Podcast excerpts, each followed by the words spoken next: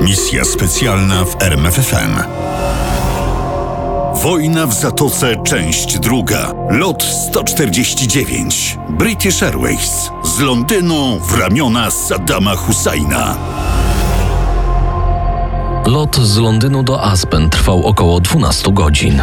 VC-10, samolot pani premier Wielkiej Brytanii Margaret Thatcher, wystartował wczesnym środowym rankiem 1 sierpnia 1990 roku. Różnica czasu 7 godzin spowodowała, że w Aspen wylądowano za dnia w pełnym słońcu. Kilka godzin później, około 17 lokalnego czasu, Margaret Thatcher dowiedziała się o irackiej agresji na Kuwejt. Telefonował Charles Powell, najbardziej zaufany doradca pani premier w kwestiach polityki zagranicznej. Przepraszam, że przeszkadzam, ale mam bardzo niepokojącą wiadomość. Przed godziną wojska irackie weszły do Kuwejtu. Byłam zaskoczona. Pisała we wspomnieniach Thatcher. Wydawało się, że iracka demonstracja siły, o której wszyscy wiedzieliśmy, to jedynie pokazowy szczęk szabli. Pomyliliśmy się. Nie możemy tego tak zostawić, nie wiadomo co Hussein kombinuje. Co proponujesz? W Dubaju mamy niszczyciela, myślę jednak, że w nowej sytuacji trzeba mu podesłać wsparcie. Jeszcze tego samego wieczora energiczna Thatcher kazała ruszyć dwa okręty w stronę Zatoki Perskiej. Pierwszy kotwiczył w Penang na Malajach, drugi w Mombasie w Kenii. Oba miały przed sobą tygodniowy rejs. W ten sposób po raz kolejny w ciągu ostatnich 10 lat zwiększono liczebność Armilla Patrol, stałej misji floty brytyjskiej w Zatoce Perskiej. W tej rozpoczynającej się dopiero wojnie jeszcze pięć okrętów Royal Navy miało zjawić się w Zatoce. Na razie jednak nikt nie wiedział, co się właściwie dzieje i jak zareagować. Powell zadzwonił do Thatcher następnego dnia. Kraje Ligi Arabskiej nie radzą sobie z problemem Kuwejtu. Na spotkaniu w Kairze nie wypracowano wspólnego stanowiska. Przepychanki dyplomatyczne trwały trzy dni i nie przyniosły zgody. Irak mógł pochwalić się poparciem Sudanu, Jemenu, Libii i Jordanii. Czyżby na Bliskim Wschodzie krystalizowała się nowa koalicja? Tego właśnie obawiała się pani Thatcher. Co robić? Zapytała Charlesa Powella. Przede wszystkim trzeba wypracować wspólne stanowisko z prezydentem Bushem. Administracja George'a Busha, czyli rząd Stanów Zjednoczonych, jeszcze nie wiedział, jak się zachować wobec agresji.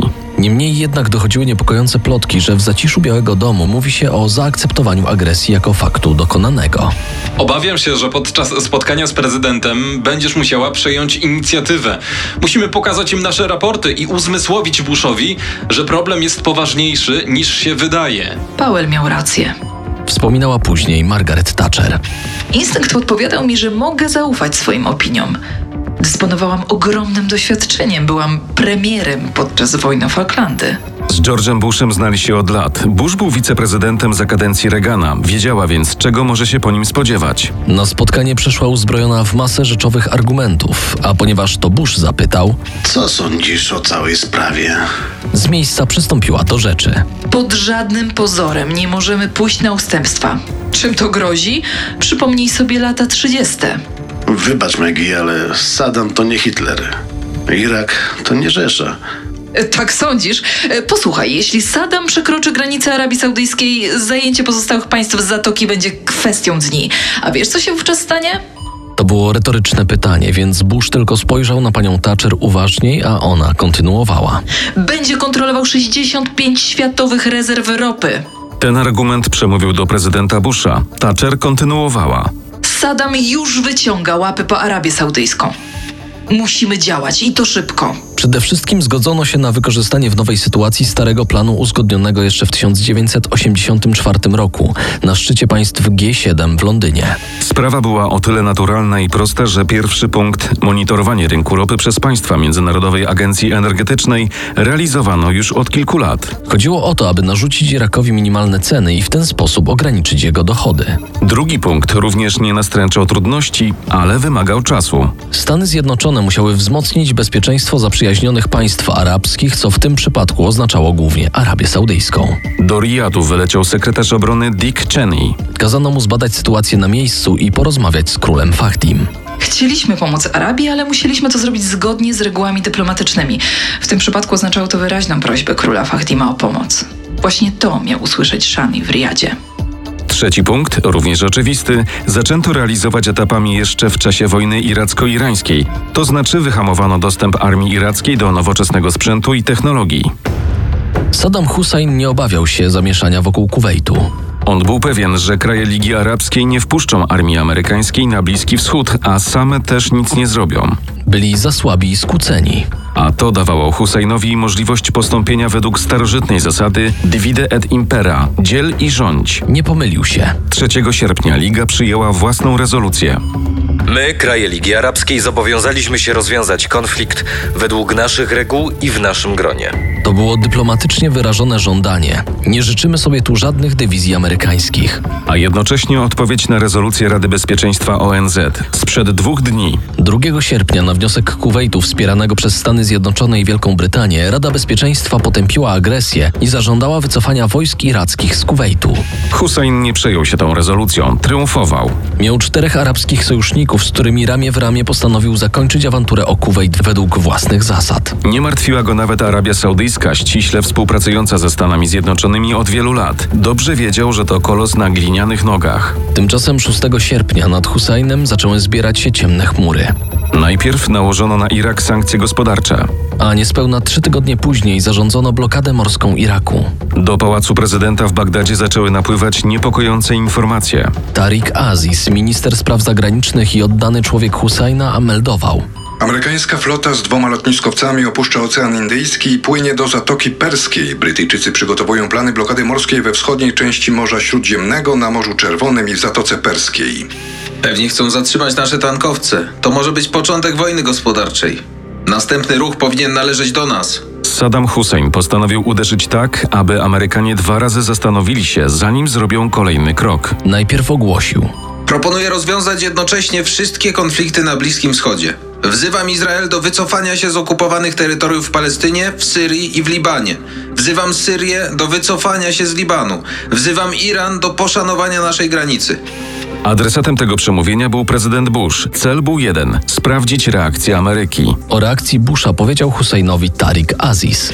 Prezydent Bush stanowczo sprzeciwia się łączeniu problemu Kuwejtu z kwestią palestyńską. Grozi nam? Jeżeli tak, to nie wprost. Na razie zarówno Bush, jak i Thatcher grają dyplomacją i sankcjami. To przypomnijmy mu, że groźby mogą go drogo kosztować. Przygotujcie pasażerów lotu 149 na spotkanie. Zamierzam ich odwiedzić. Przypomnijmy, W nocy z 1 na 2 sierpnia na międzynarodowym lotnisku w Kuwejcie wylądował samolot linii British Airways. Według rozkładu lotu samolot powinien wymienić załogę, uzupełnić paliwo i wystartować w dalszą drogę do Kuala Lumpur. Zanim wystartował, rozpoczęła się iracka agresja. Bombowce zniszczyły lotnisko. Kontynuowanie lotu było niemożliwe. Trzy tygodnie później samolot nadal stał porzucony w sąsiedztwie hali odpraw. A co stało się z pasażerami? można powiedzieć, że zostali jeńcami armii irackiej. Najpierw umieszczono ich w hotelu przy lotnisku. Warunki były nie najlepsze, brakowało wody i jedzenia. Było brudno.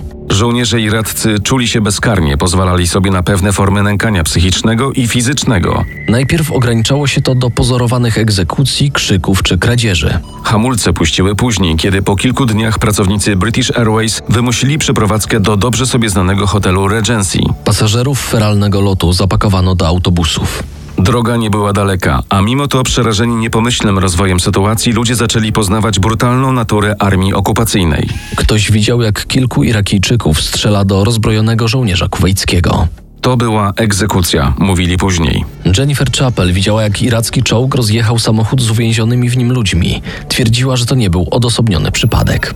Pobito jednego pasażera i zgwałcono stewardesę. Zareagował szef obsługi kabinowej. Powiedział o incydencie oficerowi irackiemu. Żołnierz gwałciciel został rozstrzelany. Po 10 dniach pasażerów, których iracka propaganda nazywała gośćmi honorowymi, porozwożono pod eskortą wojskową po różnych obiektach wojskowo-przemysłowych w Iraku. Ale nie tylko. Brytyjczyków zakwaterowano na najwyższych piętrach hotelu Melia Monsur w Bagdadzie. To właśnie z nimi zamierzał się spotkać Saddam Hussein.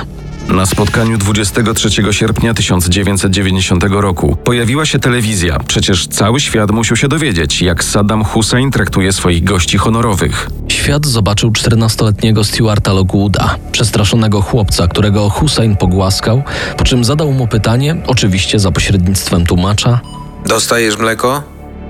Mamy nadzieję, że wasza obecność tutaj jako gości nie potrwa zbyt długo. zwrócił się do zakładników. Wasz pobyt tu i w innych miejscach ma zapobiec pladze wojny. Zostaniecie bohaterami pokoju. Nikt ani w Wielkiej Brytanii, ani w Stanach Zjednoczonych nie miał wątpliwości, jaką rolę przydzielił Hussein tym, jakich nazwał bohaterom pokoju. Nikt też nie wahał się nazwać ich zakładnikami, ale pojawiły się również określenia lepiej oddające ich trudne położenie. Żywe tarcze. To oni w przypadku wojny mieli powstrzymać amerykańskie i brytyjskie bombowce. Hussein wierzył, że to wystarczy.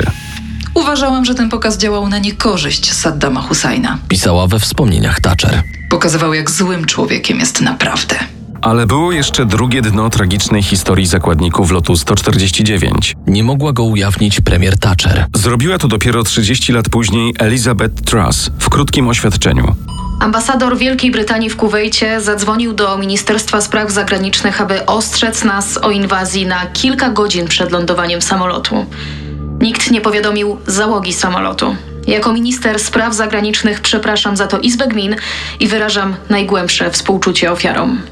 Dlaczego nie poinformowano kapitana samolotu? Przypomnijmy, że według wiarygodnych informacji w samolocie znajdowali się agenci MI6 i komandosi. To dlatego premier Thatcher milczała. Nie mogła ujawnić tajnej operacji wywiadu. Czy wiadomo, co się stało z agentami? Ze śledztwa dziennikarza Stevena Davisa wynika, że operacja zakończyła się zupełną porażką. A zatem MI6, a również i CIA nie wiedziały dokładnie, co dzieje się w Kuwejcie i Iraku. Pozostawało monitorowanie sytuacji z terenu krajów sojuszniczych, natowskiej Turcji i zagrożonej inwazją Arabii Saudyjskiej. Tymczasem brytyjscy analitycy doszli do wniosku, że przygotowania do zaatakowania Arabii Saudyjskiej zajmą Irakowi tydzień. Te analizy nie uspokoiły pani premier.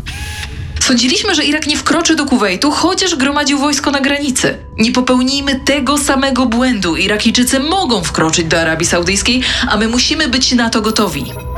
O tą gotowość dbał Dick Cheney. Król Fahdi poprosił o rozmieszczenie dywizji amerykańskich na terenie swojego kraju.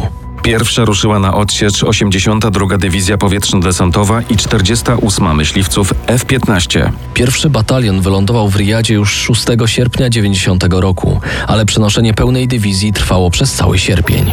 Rozpoczęła się operacja Pustynna Tarcza, czyli ochrona Arabii Saudyjskiej przed spodziewaną agresją Iraku. Konflikt wkraczał w nową fazę. Zdaniem zdecydowanej działać ostro premier Thatcher nie mogło być już mowy o żadnym kompromisie. Hussein musiał zabrać wojsko z Kuwejtu. Agresja Iraku na Kuwejt urąga wszelkim zasadom, na których opiera się ONZ. A jeśli pozwolimy, by mu się udało, żaden mały kraj nie będzie czuł się bezpieczny. Reguły dżungli zapanują nad zasadami prawa. Ale Hussein nie miał zamiaru się wycofać. Przeciwnie, oficjalnie włączył Kuwejt do Iraku jako nową prowincję. Sytuacja nie wyglądała obiecująco. Stwierdziła bez ogródek Thatcher. Na szczęście nie zawiedliśmy się na Turcji. Prezydent Ozal zgodził się na odcięcie irackiej ropy. Sankcje powoli zaczynały działać. Lecz sankcje nie zmusiły Saddama Husajna do odwrotu. Należało poszukać mocniejszych argumentów. 29 listopada 90 roku Rada Bezpieczeństwa przyjęła rezolucję 678. Prezydent Iraku Saddam Hussein powinien wycofać wojsko z Kuwejtu do 15 stycznia 1991 roku. Jeśli tego nie zrobi, Rada Bezpieczeństwa upoważnia państwa do użycia wszelkich niezbędnych środków w celu wyparcia Iraku z Kuwejtu. Kończył się czas dyplomatycznych rozmów. Nadchodziła pustynna burza. Misja specjalna w RMFFM. Na tropie największych tajemnic historii.